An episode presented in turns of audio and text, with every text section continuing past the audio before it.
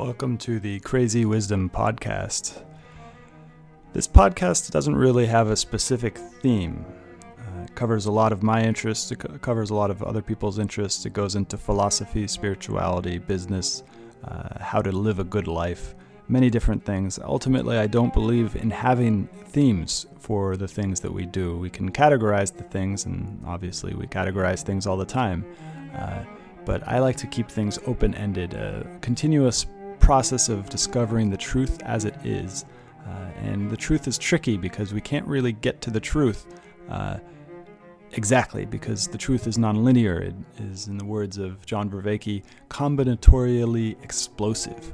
Uh, even the truth of this window that I'm looking at, the window itself, the glass that makes up the window is combinatorially explosive. The cup that holds your water is combinatorially explosive. You cannot model that cup totally in your head. You're only getting an image of it in with your eyes and your brain. That's not the actual cup itself. Uh, so this this show is a discovery of truth wherever it may appear by talking to people from various different fields. I've talked to artists, engineers, entrepreneurs, investors, uh, refugees. I've, I've just talking to anybody who has a glimpse into the truth. Uh, and through this conversation, through this mutual inquiry into what is true, what is real, hopefully we get to something that is helpful for to you. Now, we are in a time of crisis right now, uh, but it is in those times of crisis that we find our strength. And so, this show hopefully will help you to find the strength that is resting, that is deep inside of you, that is part of your birthright as a human being, uh, and find that strength so that you can get through these difficult times. Also, I want to let you know that I'm offering breathwork sessions uh, every day. I've got seven sessions a day. Uh, and really excited to bring this to people. People have been really enjoying it, and it has brought strength to people and courage. and And that's my that's my goal is to help you find the courage to uh, not only survive but to thrive in the next couple years, maybe because this virus is not going away. Um, it, it, usually viruses come in waves. Uh, so this is the first wave. It will go away, and then it might come back. I'm not saying that I know for sure it will come back, but we are in this for the long haul. So this is a uh, marathon, not a sprint, uh, and I want to do everything I can to help you not only survive but to thrive. Uh, so. If you are interested in that, please find me on Twitter at Stewart Alsop III. My DMs are open. I'd love to hear about what you think about this show. Uh, also, it'd be very, very kind of you to both subscribe to the show on Spotify, Stitcher, uh, iTunes, many of the major pot plat- platforms. And if you're really feeling generous, go ahead and give a review on iTunes. So join me for the breath work. Just send me a message on Twitter at Stewart Alsop III with your email, and I'll add you to the email list where I'm sending out emails for the schedule. Uh, hopefully, see you there. Have a great day. Welcome to the Crazy Wisdom Podcast. My guest today is Peter McEvoy. He is a runtime engineer at Tlon, uh, and we're going to talk about uh, Tlon and Urbit and why he uses Linux and how maybe Urbit will replace Linux or integrate with Linux and all of that different stuff. Welcome to the show. Thanks, Stewart. Glad to be here. So, will Linux I'm sorry. Well, Urbit for the listeners who don't haven't listened to the last few episodes, uh, Urbit is like a decentralized peer-to-peer network built with a new internet on a new operating system. Like they basically went and built it from the ground up, uh, and I'm really excited. I still don't understand it, and and it's partly why I brought Peter today on the show. Um, will Urbit replace Linux?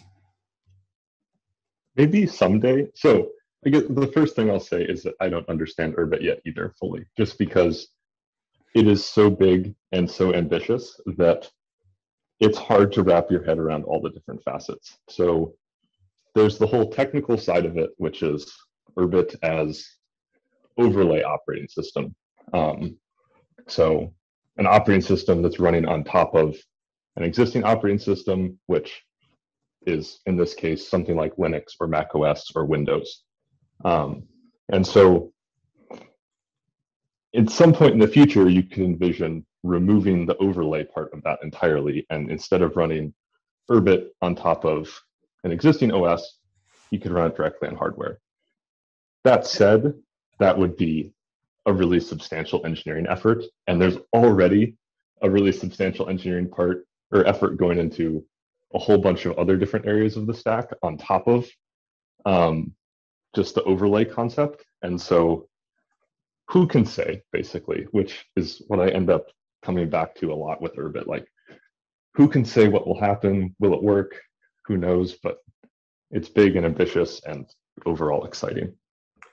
Um, and I mean, as with we've known from other open source projects, as long as it's open source and as long as people are making money off of it in strange new ways, uh, usually it happens. Uh, and I, I, it still seems like Urbit is in the will it happen type of situation, but it's right on the line. It feels like it feels like it's right on the line that another one to two years, if there's enough developer mindshare. Well, how, how many how many developers um, do you think work are working on Urbit right now? It's hard to say. So within Tlon itself, there are, I don't know, 15 to 20 engineers. Um, and Tlon is the kind of corporate linchpin, I guess, of the Urbit engineering effort.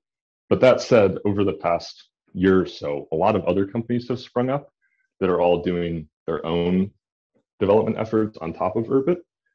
Um, so I know Uqbar and Tirrel, and there are at least a few more that I'm just not remembering. But um, so those are the other companies in the space, and then of course there, I'm sure a lot of people who are doing just you know like open source contribution work in their spare time because the Urbit Foundation, the the nonprofit that is driving the fundamental like infrastructural development of Urbit, um, has grants up for grabs for basically anyone who's qualified, which is actually how I got kind of sucked in.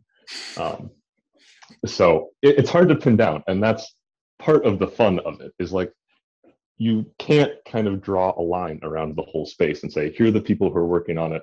Here's all what they're doing. It's this kind of nebulous, almost organic feeling system that is really refreshing um, and something that I didn't anticipate to find in software, if we're being completely honest. Uh, I have a lot of questions now, but the how do the nonprofits because you have Urbit Foundation, you have Ethereum Foundation, and I think there's a Bitcoin one in there too. Um, so there are all these like giant, and I imagine that many people in the Urbit space probably also uh, invested significantly in Bitcoin. Um, and so, how how do these things work in terms of creating a nonprofit that supports these various uh, almost for-profit things, but that are somehow outside the boundaries, like you said? So, with respect to something like Bitcoin or Ethereum, I don't know. I'm as much of a crypto idiot as I can possibly be, and I'm hoping to keep it that way.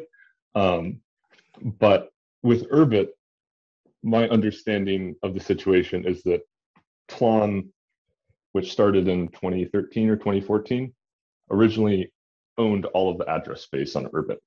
And I don't know when the foundation was um, formally created, but only recently has it actually split off from Tlon entirely. And so I think along with that, Tlon has granted some chunk of its address space to the Urbit Foundation with the intent that the Urbit Foundation will, you know, continue to drive the kind of impartial development of the infrastructure on top of which all of these other Urbit companies will be competing. Well, competing someday. Right now, it's pretty cool. I'm trying to think, there's like a tagline I heard about this. Um, at work a few months ago, like at this stage or something like collaboration is competition or vice competition is collaboration.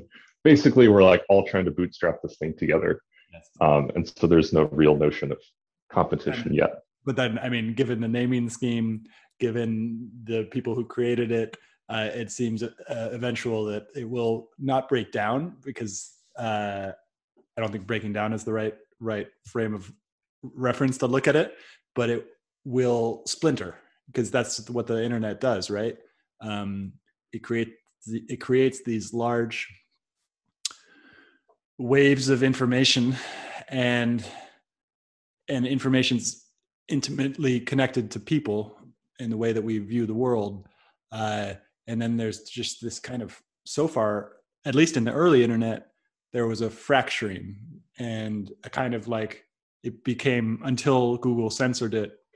I'm sorry, not censored it uh, until Google uh, uh, searched it. Until Google built up the links profiles, you know, and many people had tried that before. Um, but once they built those links, then it became somewhat centralized, but still, still very, very, very um, amorphous.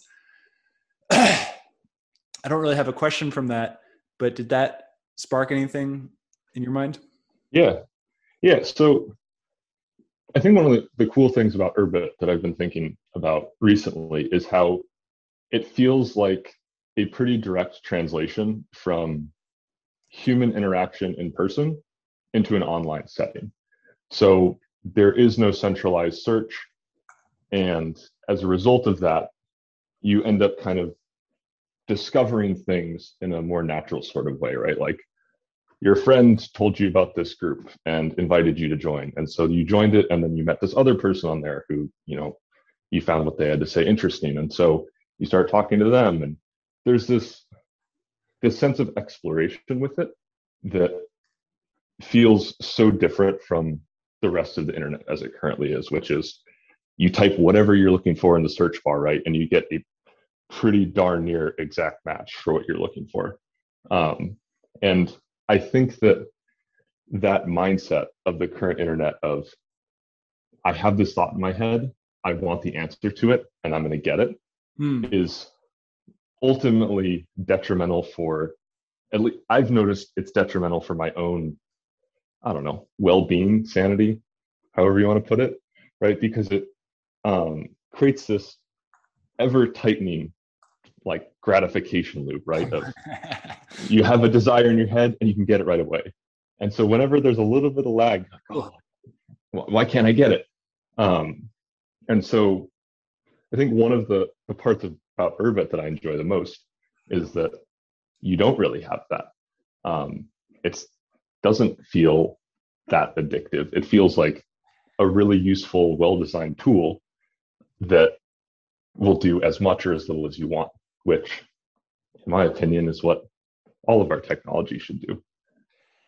And that there's a couple things that I get. Um, well, first is will people actually build things on Urbit that will make it as seamless and as leaning towards immediate gratification? Um, now I've lost the second one. So will p- people build things on Urbit that will lead to immediate gratification? Oh, I'm sure that this just seems like a natural human tendency, I guess. And you could argue that the internet in its current incarnation is just a result of, I don't know, our fundamental flaws as a species. But I, I think, again, a nice thing about Urbit is that I think the idea of escape is built into the system. Uh, so if there'll, I think, be networks within the network, if that makes sense, right? Where you can seek out and find what you're looking for. So even if there's a, a network that, you know, does it exactly as the current internet does it, or a subnetwork. Oh, interesting. Presumably there'll be a whole other group of people, right, in their corner of the network doing things a different way. That is very cool. Um, uh, the other the other thing I wanted to talk about was that it seems right now it's uh, it's even hard for me. I'll go on Urbit right now. I was talking with somebody on Urbit, and um, he said to that if I want to include images in the Urbit chat, I set up an S3 bucket to host an image and video um, in the system pref- preferences, and that right there gave me a moment because I'm not an engineer. I do sometimes think like an engineer, and, and so I'm I'm willing to kind of confront the pain of of this uh, of using it in order to f- explore and find out what the hell it is.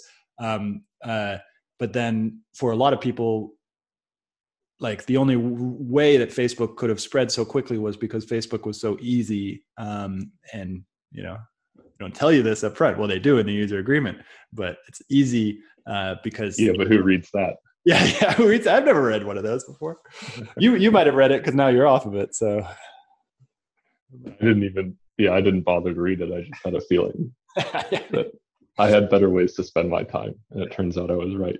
Yeah, that's a good question. What does it What does it feel like now, three years after giving up all of it? Yeah. So um, yeah, social media free for I think it's three years. It might be four. It feels it's hard to remember what it was like when I had it, just because there's so much more space in my head. Um, I, I still have the kind of I don't know. I, I have an addictive personality in a way, mm-hmm. and so social media, right? Like played into that where I was checking Twitter kind of compulsively, right? Checking Facebook, well, not Facebook really, Twitter and Instagram, in particular Twitter.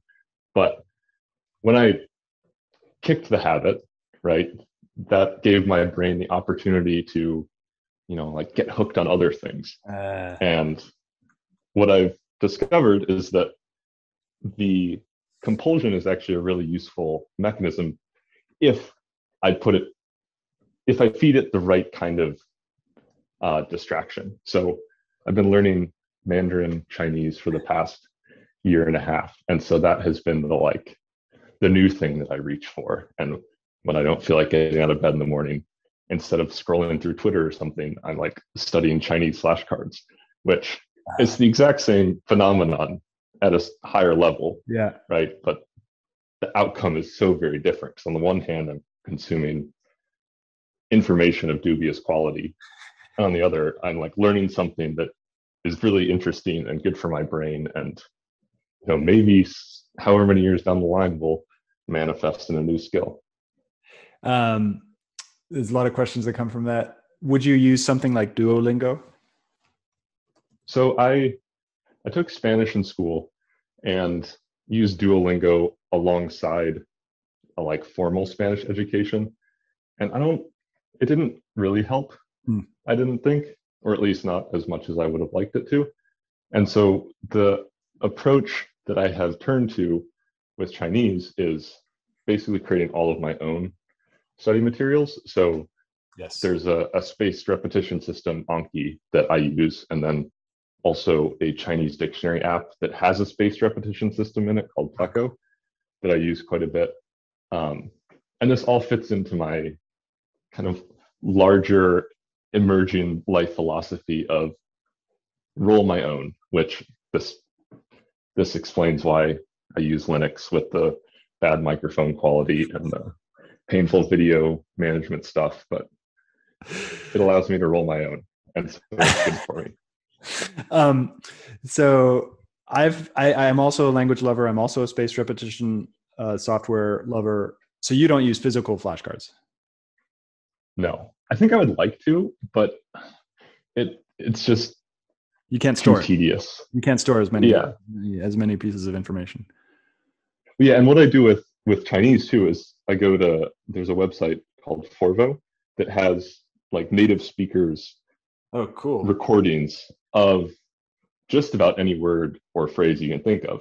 And so I'll download those and I'll insert them into the flashcards. So not only am I reading, but I'm getting like audio feedback on every single card, which in theory will help with my you know pronunciation and listening skills. But learning Chinese is a very long, slow process. So yes, I, remains to be seen. I speak uh, I speak Thai. Um, oh wow, another tonal language, right? Yes, uh, and also has four tones, uh, and so similar to Chinese, but totally different languages. Uh, the script in Thai is like extremely hard. I've, I've tried to learn it a couple times and gave it up. I'm now learning Russian because Russian is, uh, um, I, and I had started before everything happened uh, because well because they dance my favorite type of dance in Russia, um, and it's very popular outside. It's the only place where it's more popular outside of Brazil than the United States, um, and uh, so I want to go there eventually uh, to go dance this dance. But I've been learning Russian, and the Cyrillic was like a very good because the only other languages I speak, Spanish, French, and Portuguese, are all very close to English. um, and the script is the same. Whereas Russian has a lot of loan words. That's a crazy. And I just found out on Twitter and talk about dubious information. I just found out that uh, Pushkin, uh, the one of the main Russian literary figures, basically invented modern Russian. And most people don't know about in Russia, particularly that the um, aristocracy was so rich and everybody else was so poor that the aristocracy in all the all the European countries did this, but it was more so in Russia. Like they were European, you know, they were they were German and French, and they got all their ideas from German and France. But then you have this hardcore conservative Russian mentality, um, which is extremely conservative, extremely orthodox, and I'm really interested to go whenever I go to find out how orthodox they still are. Whether, whether it's the same thing that happened in China, where the Soviet the Soviets basically said. Um, be done with that. Let's that's that's gone. Um, yeah, yeah. A heartbreak in history. Yes. Yeah. On to yes. the next thing. Heartbreak in history. Interesting. yeah, I, language. I mean, I've sounds stupid, but like discovered how cool language is um, in the past. I guess really year as I you know progressed slowly in Chinese because you know like learning a language in school it's hard to get excited about. At least it was for me. Yes. But on my own, it has brought up all these really interesting questions about how how I express myself and how I take for granted the ways of expression that are baked into English, right? And so mm. I'm starting to get this feeling, right, that outside of English, there's a whole different world, right? well, a whole number of different worlds, mm. um, each corresponding to a different language, right? Where you have a slightly different perspective on the world based off of you know the language running through your head. And of course, some languages will be closer to one another than others. But I don't know. This this idea just is so cool, and now, now I like have to keep learning because I have to find out what that's like, right? Like yes. escape English and see see what goes through my head. And you can probably speak to this. Yes. Um, what that's like knowing all those languages.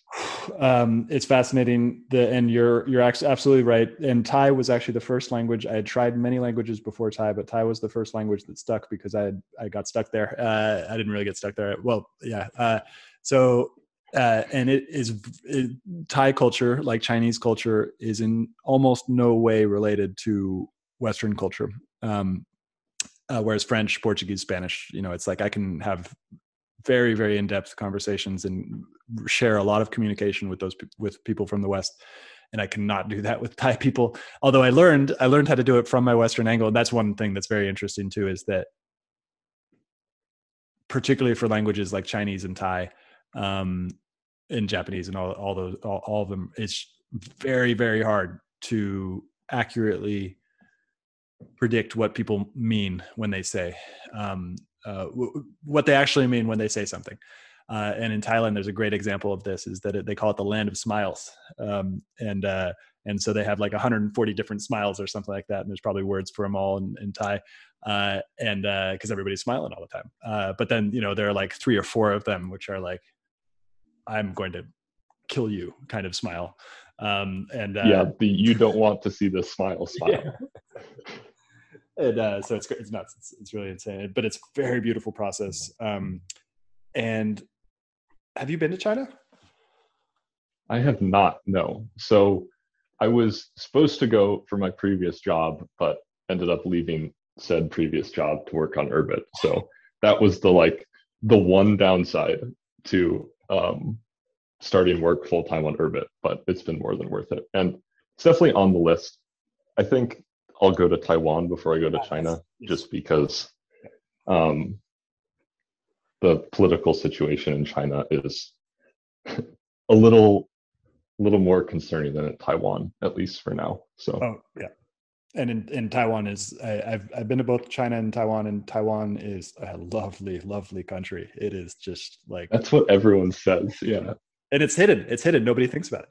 It's like, oh, I'll go to China. It's like, no, no, go to Taiwan. It's like, it's, it's this it's it's it's like a it's like it's like a Chinese Disneyland basically.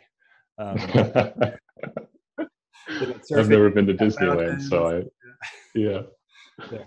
Um, and excellent food. Um, so does, does someone in China own a galaxy or a star for Urbit? Oh, and I should I'll ex- explain more for the listeners. So on Urbit, the naming scheme is brilliant, and it's goes uh, galaxy, star, planet, comet, moon. Um, you know, you get the theme. Uh, and then the galaxy is the big kahuna, um, and then the star is like the the the, the lesser kahuna. Um, and does do do people do does somebody in, are there those in China? I don't know. I mean, aside from the people I work with, right? Some of whom are definitely Galaxy owners. Mm. I don't know any Galaxy owners, and I I don't know if you could even find a list of them the, the, the, thing about Urbit for now, for better or for worse, is that people enjoy their anonymity, um, and so a lot of the times you'll just see people with they don't have their in real life name, right? They just have their their planet name, which is a supposedly memorable, um, phonetically pronounceable string, but it's I I find them hard to remember. Like I've remembered my own, which is fan fun mockbud, but um, but that but that's most other people's just goes right over my head. and that because it's it's computer generated, right? Yeah, yeah. So each yeah. Yeah. each Urbit ID is really just a number, and there's a syllable system used to pronounce each number. So the galaxies, right? They're 256 galaxies, right? That's an eight-bit number, two to the eighth. Um, so there's zero through 255, and then stars are a 16-bit number, and there are 65,000 something of them.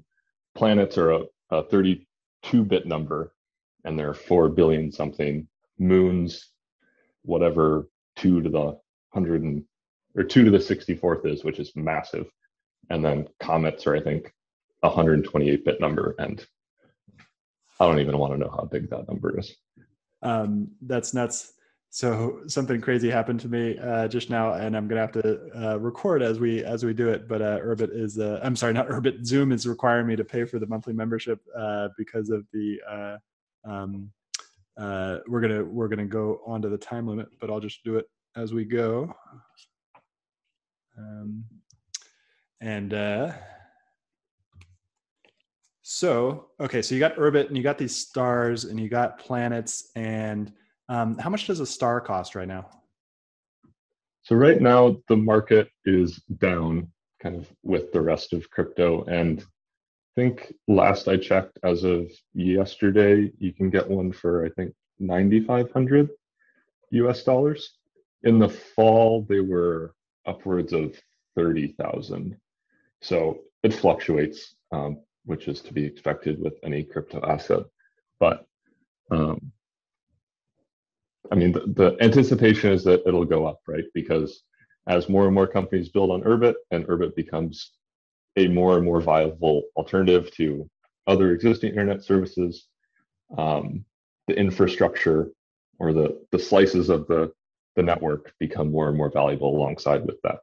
So um, the, the pressure's on, right, to make it as useful as possible, which is kind of, it, it's fun working on it as an engineer too, because there's a much tighter loop between the work that I'm doing and the I don't know outcomes that it's affecting, mm-hmm. and that's really gratifying to see instead of you know seeing you know how many months down the line your your changes emerge to affect some small number of people instead it's like i work on something and it gets merged and everyone on the network's using it which I don't know. I haven't gotten over that. It's really novel. And so, given everything that's happened today in terms of like WhatsApp having, I think it was, I can't, I can never remember whether they had 45 engineers or 19 engineers before getting bought for either 19 billion or 45 billion, but it was a small amount of engineers who had built a huge amount of value. Do you ever feel like a god or God itself uh, when you're as an engineer?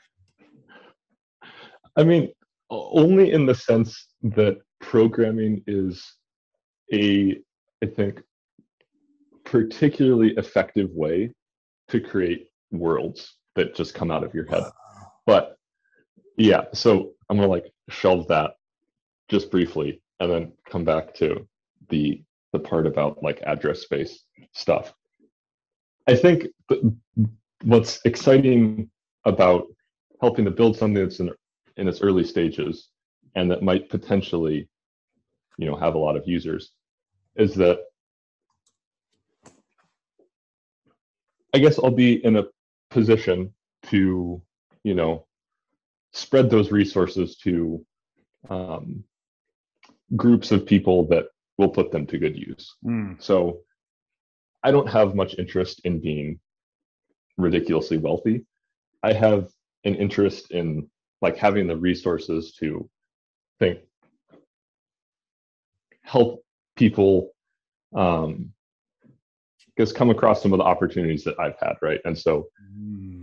you, you can just imagine that um, a star, right, given to a particular organization, um, you know, far removed from the United States, would have a pretty big impact. And um, I don't know, I, that's something I get excited about. But that's a, I'm gonna I'm gonna stop there. But the the creating like programming as a way of building worlds is this is again something that I've been delighted at as I've discovered it more and more. So I'm just over a year out of grad school and um, was kind of late to the software engineering game in school and and just like falling in love with programming mm. more and more each day because it's this really direct way of taking the thoughts in my head and bringing them to life right there's no there are no barriers between my thoughts and mm. the reality that they manifest in right it's just how fast i can type on a keyboard how well i can order those thoughts mm. and my knowledge of a particular programming language so it's uh it's like the more technical version of you know writing prose which again just excites me how far how far are we uh, from me being able to write computer programs as prose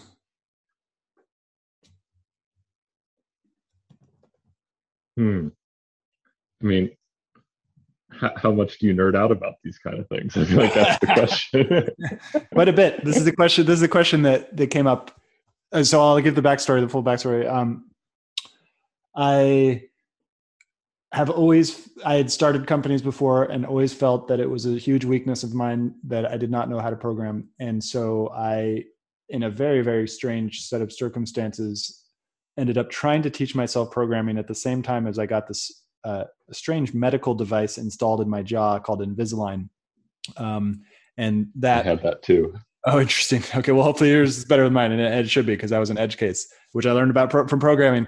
Uh, so, uh, so uh, it was extremely painful for me, uh, and it got more and more painful. Um, and at this time, I was teaching myself how to program, uh, and I was going to meditation retreats, like ten day long, very very deep meditation, to try to kind of somehow um, figure out the pain I was in. I figured it out eventually, but uh, and it was the device, uh, uh, which I knew. But so and then uh, so I was teaching myself how to program, and I was going to these retreats uh, where I could use the internet, and it was full of hippies, and they would get really really pissed at me because I would bring my computer uh, into various places, and they're very they have a lot of sensitivities. A lot of a lot of hippies have a lot of very strange sensitivities, and so one of them is EMF, electromagnetic frequencies, which I, I'm I'm now I think there's there might be something to it, but there's also uh, ways that you can um, manage it.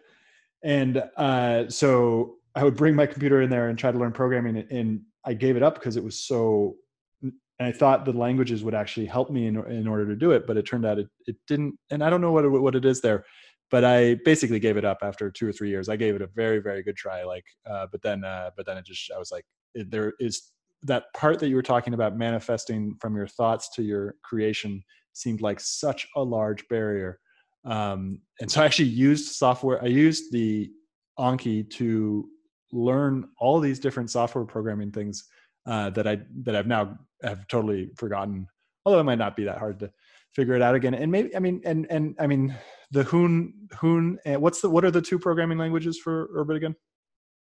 Yeah, so the the high level one, the one designed for people to actually write is Hoon, which is a new type of functional programming language developed specifically for Urbit by Urbit, basically.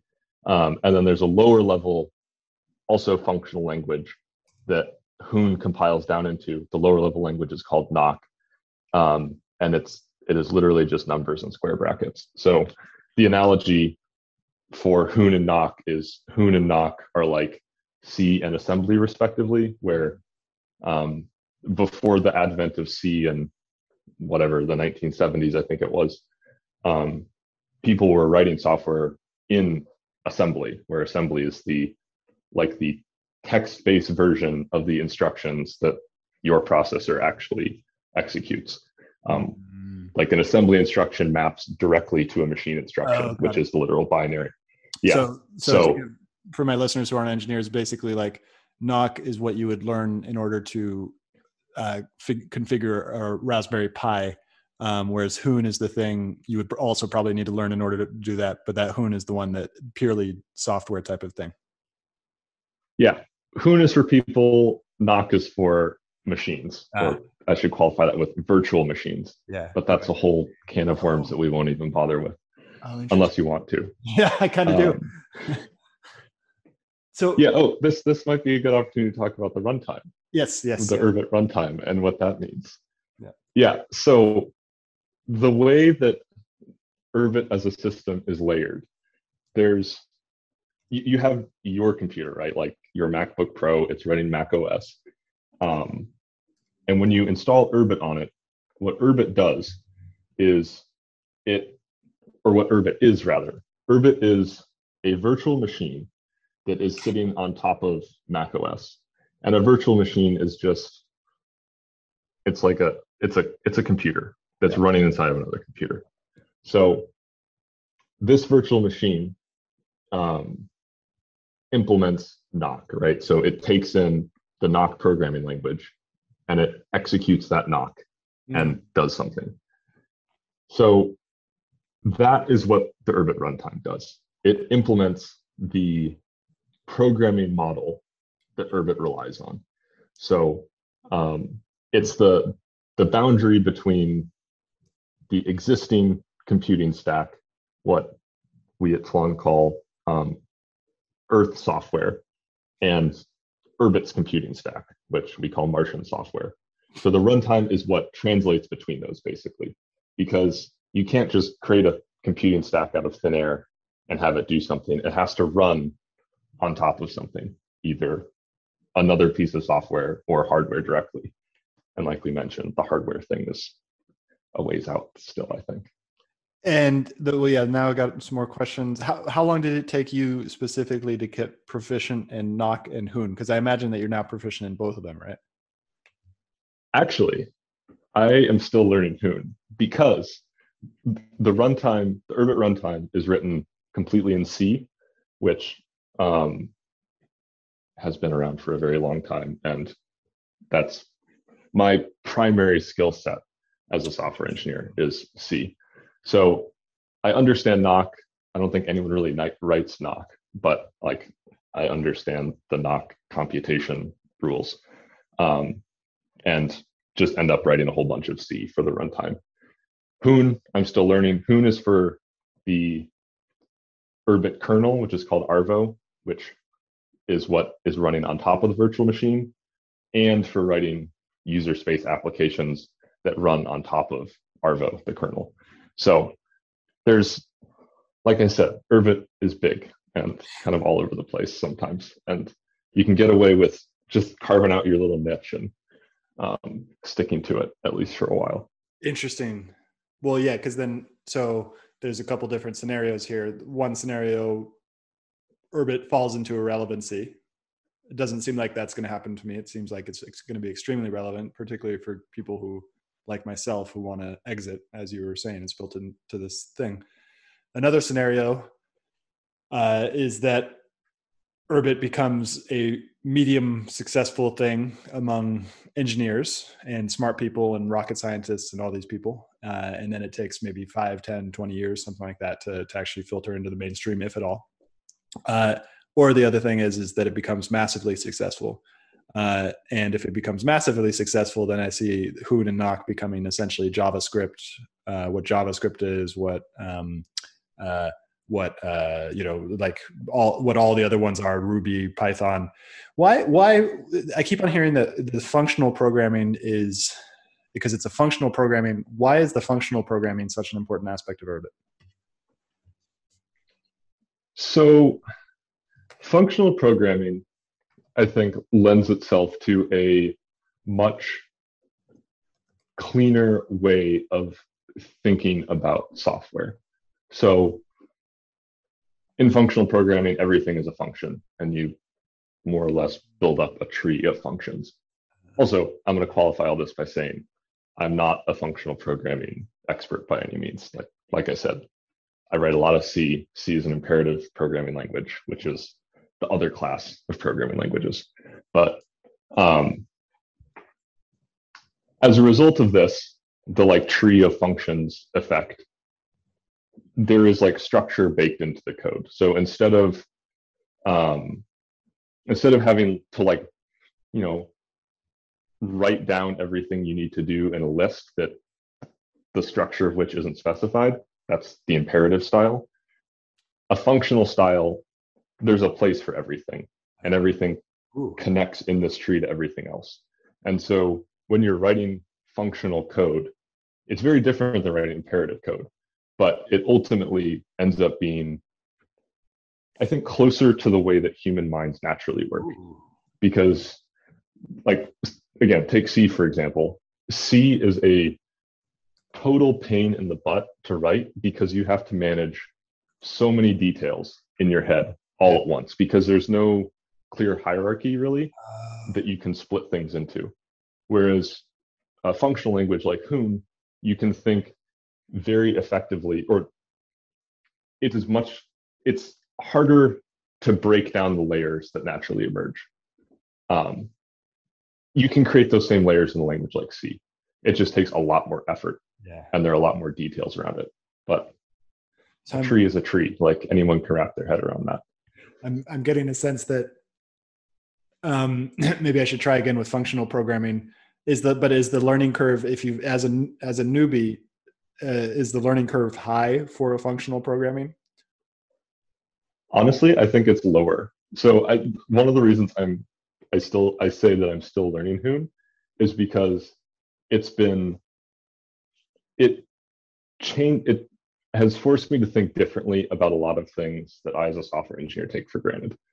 And if, you know, someone who's trying to learn Hoon doesn't have any of that associated prior baggage, then I think it'll actually be much easier because what I'm having to do is like relearn a lot of things or like unlearn yeah. certain other things.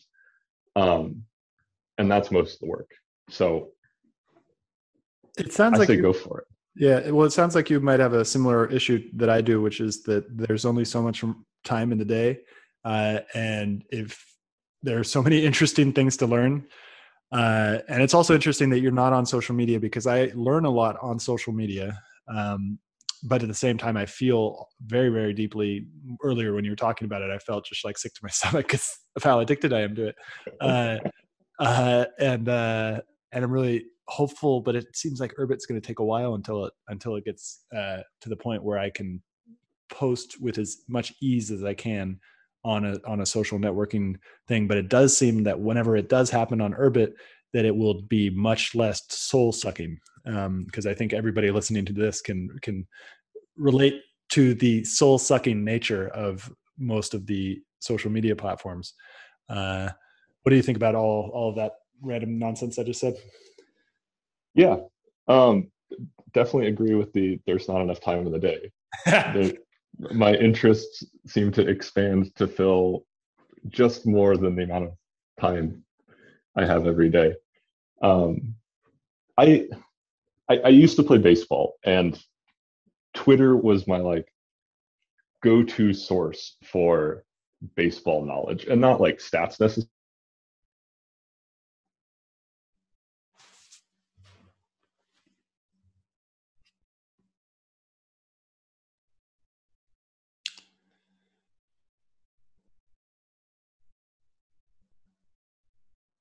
I think since quitting social media and just continuing to read, I've realized that the book is arguably the perfect way, the perfect method of information delivery because it's static, it takes a while to get through. So you confront the information from a number of different attitudes, right? Like in the morning, at night, you know, you've had, you're kind of cranky, you're really enjoying yourself, right? They're like, you confront the same information from slightly different ways.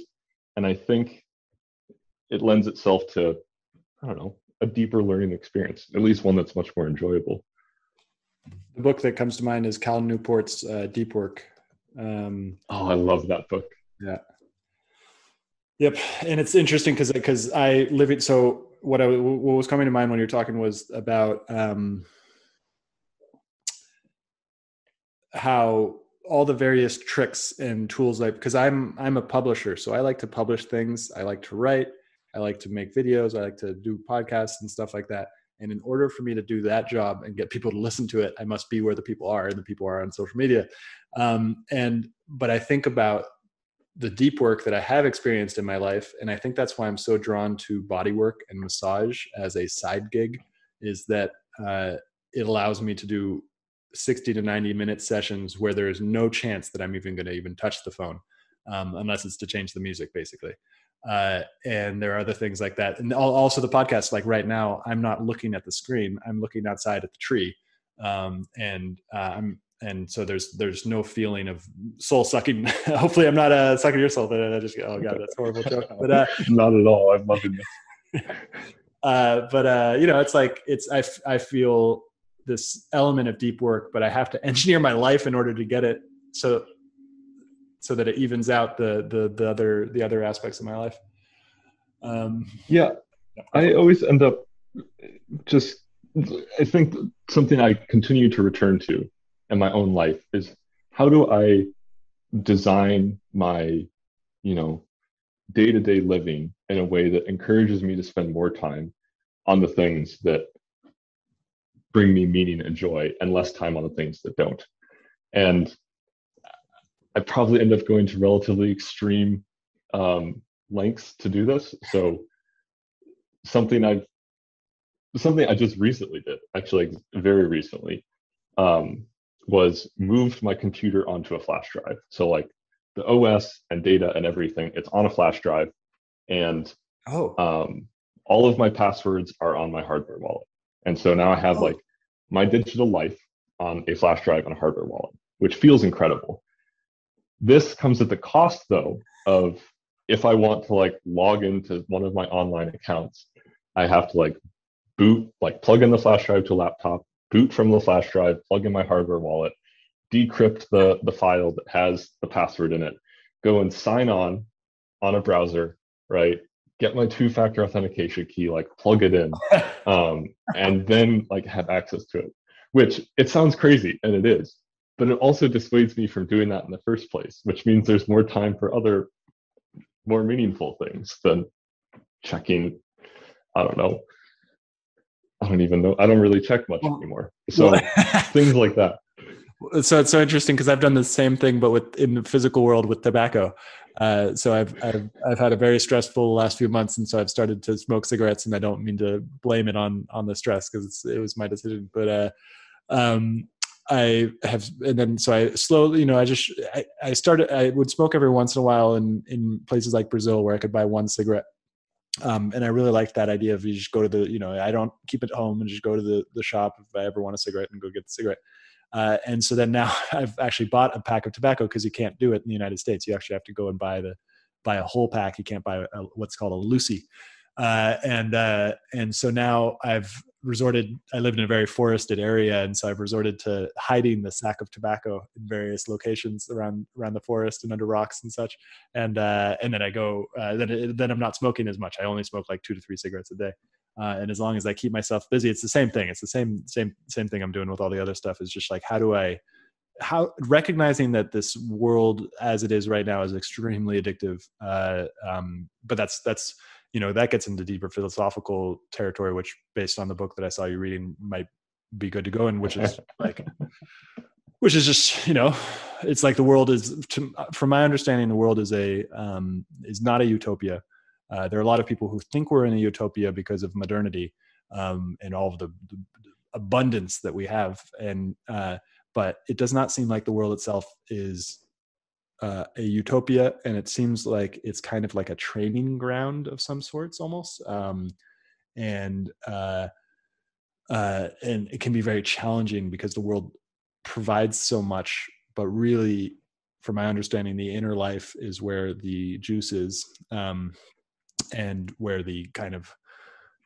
joy, as we were talking about joy earlier, it's like all, all the joy comes from inside when we when we are cognizant of an object of desire and we complete that uh, circle of, of desire and get it, that joy that we've experienced doesn't come from the object itself, although the object is a condition which contributes to it.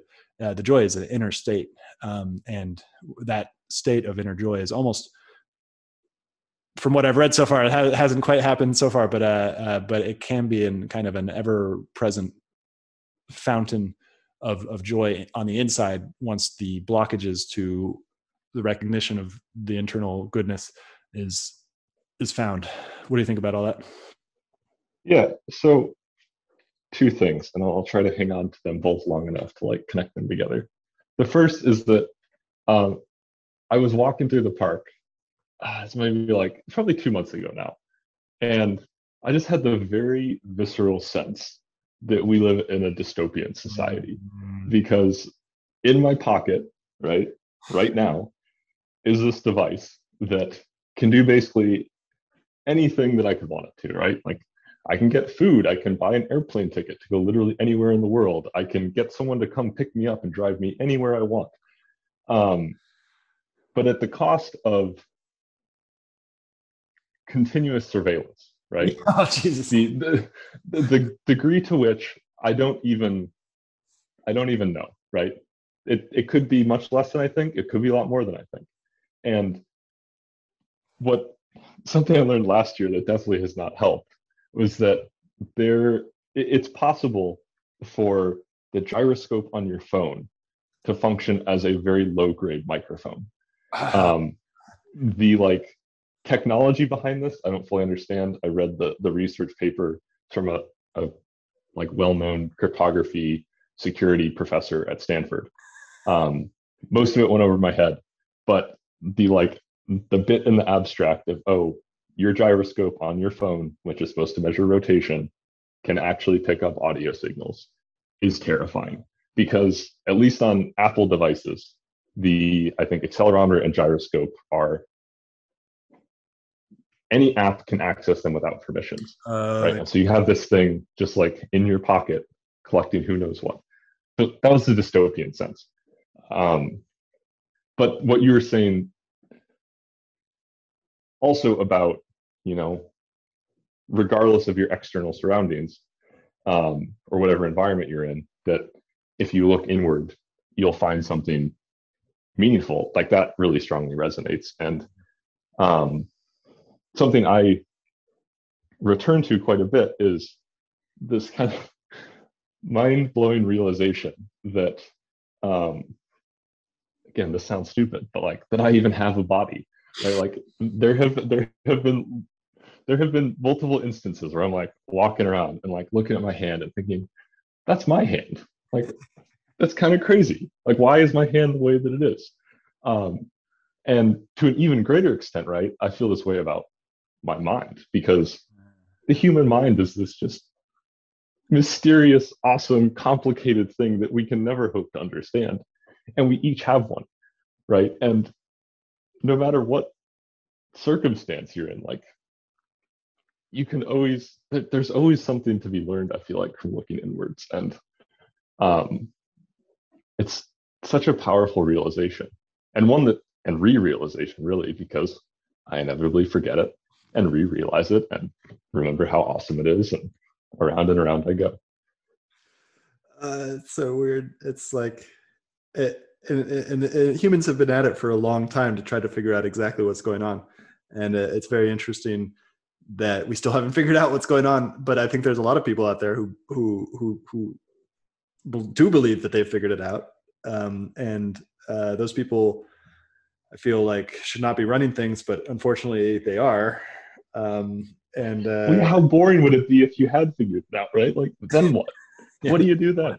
Yeah, yeah, good point.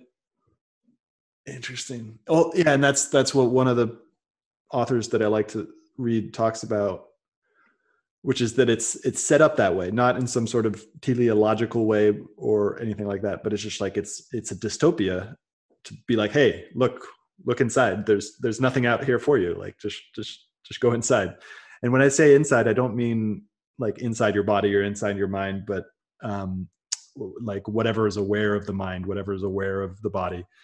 Uh, that that that thing, which you can't really pinpoint. I mean, you can turn it into an object of of of meditation or object object of cognition, but it's not the thing itself. The thing itself is beyond the ability and anything that you look up anything that you look at like the lamp that i'm looking at is irreducibly complex um although they can create it like which like I don't know what's going into that lamp. I have no idea what the the uh, the John Vervaeke calls this um, combinatorial explosion, um, where it's just like any object you take take out of your cognition, you you run into this issue of combin- combinatorial explosion of just like you can't.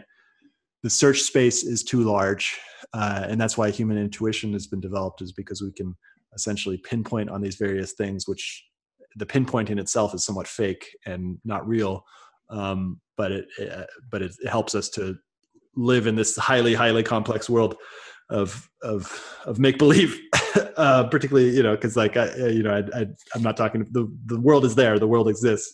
Uh, but anything we say about the world is just a model, and that model is not a uh, uh, it's not the thing itself. Again, um, what have you in the last five minutes or so? What have you read recently along these lines um, that has been influential for you? So I went through a bit of a Zen Buddhism kick about, I guess it was like right before I quit social media. now I think about it. Yeah, so that kick entailed a lot of meditating and then also reading about Zen Buddhism. Mm. And I didn't end up reading that much about it, but the thinker that I found that I don't know the, the way he writes and speaks really resonates with, with me for whatever reason is Alan Watts. Mm-hmm. And I remember reading, I think it's oh, I'm gonna blank on the, the name of the book. Um, and Alan Watts' book was then in the title. But I remember reading this book and just feeling like my mind was being like bent back on itself intentionally. and in so doing being put in its place right? Like you have a small brain right in this very large universe. Acknowledge that right? Like you're not going to be able to wrap your head around much of anything at a large scale. So accepting accepting limitations accepting where you're at but still cultivating kind of a restless curiosity um, was the the takeaway i got from that. Mm. and you know that's that's something that that came to mind while you were speaking too about you know combinatorial explosion. And there's just there's too much for not only for any one of us but for us as a species. Like we have this conception that um i don't know that we're like in control of things right either as individuals or as people or as a species and we're not we're not um at least i don't think so yeah um, and as I learn about a whole bunch of different things, right, you're like, oh, are things really this janky? Are we really just like barely scraping by in this way? And the answer seems to be a lot of the cases, yeah. And um, I don't know. I find that very deeply grounding. Um, I think another back on the books thing, because I went off on a tangent again. Um, I think another another book I've read recently how well it connects to to what we're talking about. I don't know, but I've found it really rewarding and um, pretty influential too. Was a supposedly fun thing I'll never do again by David Foster Wallace, Mm. and it's a collection of essays. I didn't read all of them because, well, the ones I skipped were the ones about literary theory, which I don't know. I'm not into that kind of thing. Mm-hmm. So, but there there were ones about him going to the, the Illinois County or the Illinois State Fair, and another about him spending a week on a luxury cruise ship. And they both really serve to like hammer home the point of how ridiculous a lot of the things that our society does is. Um, and it was just you know very refreshing. And this is this book is like I think at least 30 years old now. Yeah. Um, and it, it, it's still relevant, right? That's like what makes a book, any book, worthwhile, right? Is that it's speaking some timeless truth through the lens of its Hmm. its current current time and day. Fascinating. Uh, what you mentioned about the complexity, uh, Urbit in specific, it, it seems like Urbit is going to increase that, like the the, it's going to increase the degree to which humans have trouble uh, mapping the whole space, and it, in in some sense, it might just be like a kind of an fu to that whole the whole idea that you can, because it's just going to create universes among universes uh, that are like walled off from each other. It's seeming like is that accurate? Yeah, I think that this gets back to what I was saying about you know search versus discovery. Yeah. Earlier, about I, I think Urbit has the potential to map into human experience in a healthier way than the current internet, right? Because the current internet presents you with this basically flat Mm, um, flat layer of choices, right? Which is infinitely wide, and you have to sift through all of it, or you rely on, you know, some company's algorithm to sift through it for that. But what are the implications of that? Um, like I would much rather rely on, you know, friends and family and other people I know to serve as my filters than, you know, Google's search algorithm. No offense to Google search algorithm, which is, I'm sure, extremely finely tuned at this point and very well designed and all that, but it just doesn't feel as good. Um, so Urbit's not going to solve this problem of complexity, but it will maybe, you know, frame it in a way that is more naturally palatable to human minds. beautiful. So thank you so much for coming on the show. And how can people find you uh, outside of social? or not find Or not, yeah. Um, so yeah, so I I have a LinkedIn account just because that's what people do, I guess. And I interesting people come across me every now and then on LinkedIn. Um, and I'm of course on Urbit, right? So my Pat P, as the cool kids say, is fan fun mock bud. So if um, anyone's on the network, feel free to hit me up. And other than that, I'm trying to think like yeah, I don't think there there is a, a good way to reach me. Or I guess I have an email account, but who writes who cold emails anyone? I do, but very few people do. Yeah, yeah, yeah, but we already know each other. So yeah, yeah, exactly. solved. yeah, yeah. Thank you so much. Yeah, of course, Stewart. Really enjoyed it. Hope you enjoyed this episode. I'll be publishing episodes every Monday, Wednesday, and Friday in the morning. If you did enjoy this episode, please find us on iTunes, Spotify, Stitcher, many of the major podcasting platforms, and go ahead and give us a review. And also subscribe. And as always, I'm on Twitter at Stewart Alsop III. Come join the conversation as we aim towards the truth. And the funny thing about truth is that you can't really put it into words because every time you put the truth into words, you create a linear narrative out of something that is non-linear. The truth is non-linear. It's not. It's. It's. If you really recognize the truth right now, your mind wouldn't know what to do. It'd be overwhelmed by beauty and pain, or it's. It's something that is beyond our linguistic capability to represent but that doesn't mean that the language isn't helpful. Language can point us in the direct, right direction, but it's it's not it's not the truth itself. And so, come join this collective inquiry into the truth. Find me on Twitter at Stewart Alsop III. Uh, subscribe to the podcast. Share the podcast with your friends. Uh, most people don't have the ability to let go of this linguistic understanding of the way that the world works and just aim for the truth, regardless of what the language tells us.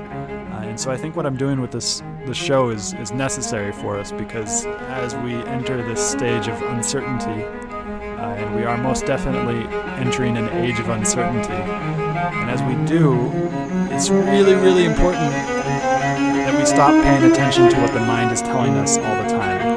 Doesn't mean to say that the mind doesn't have its place. The mind obviously has its place, but it's just one of the senses. It's just one of the tools that we can use. We can use the mind, we can use the feelings, we can actual senses. Uh, we can check our intuition with other people because sometimes the intuition tells us the wrong thing as well. Sometimes the intuition is wrong. So it, we can't we can't rely on any one tool to get us there. So come join the show. Find us on iTunes. Find us on Twitter at Stewart Alsop III. Uh, and come join the, this inquiry for truth.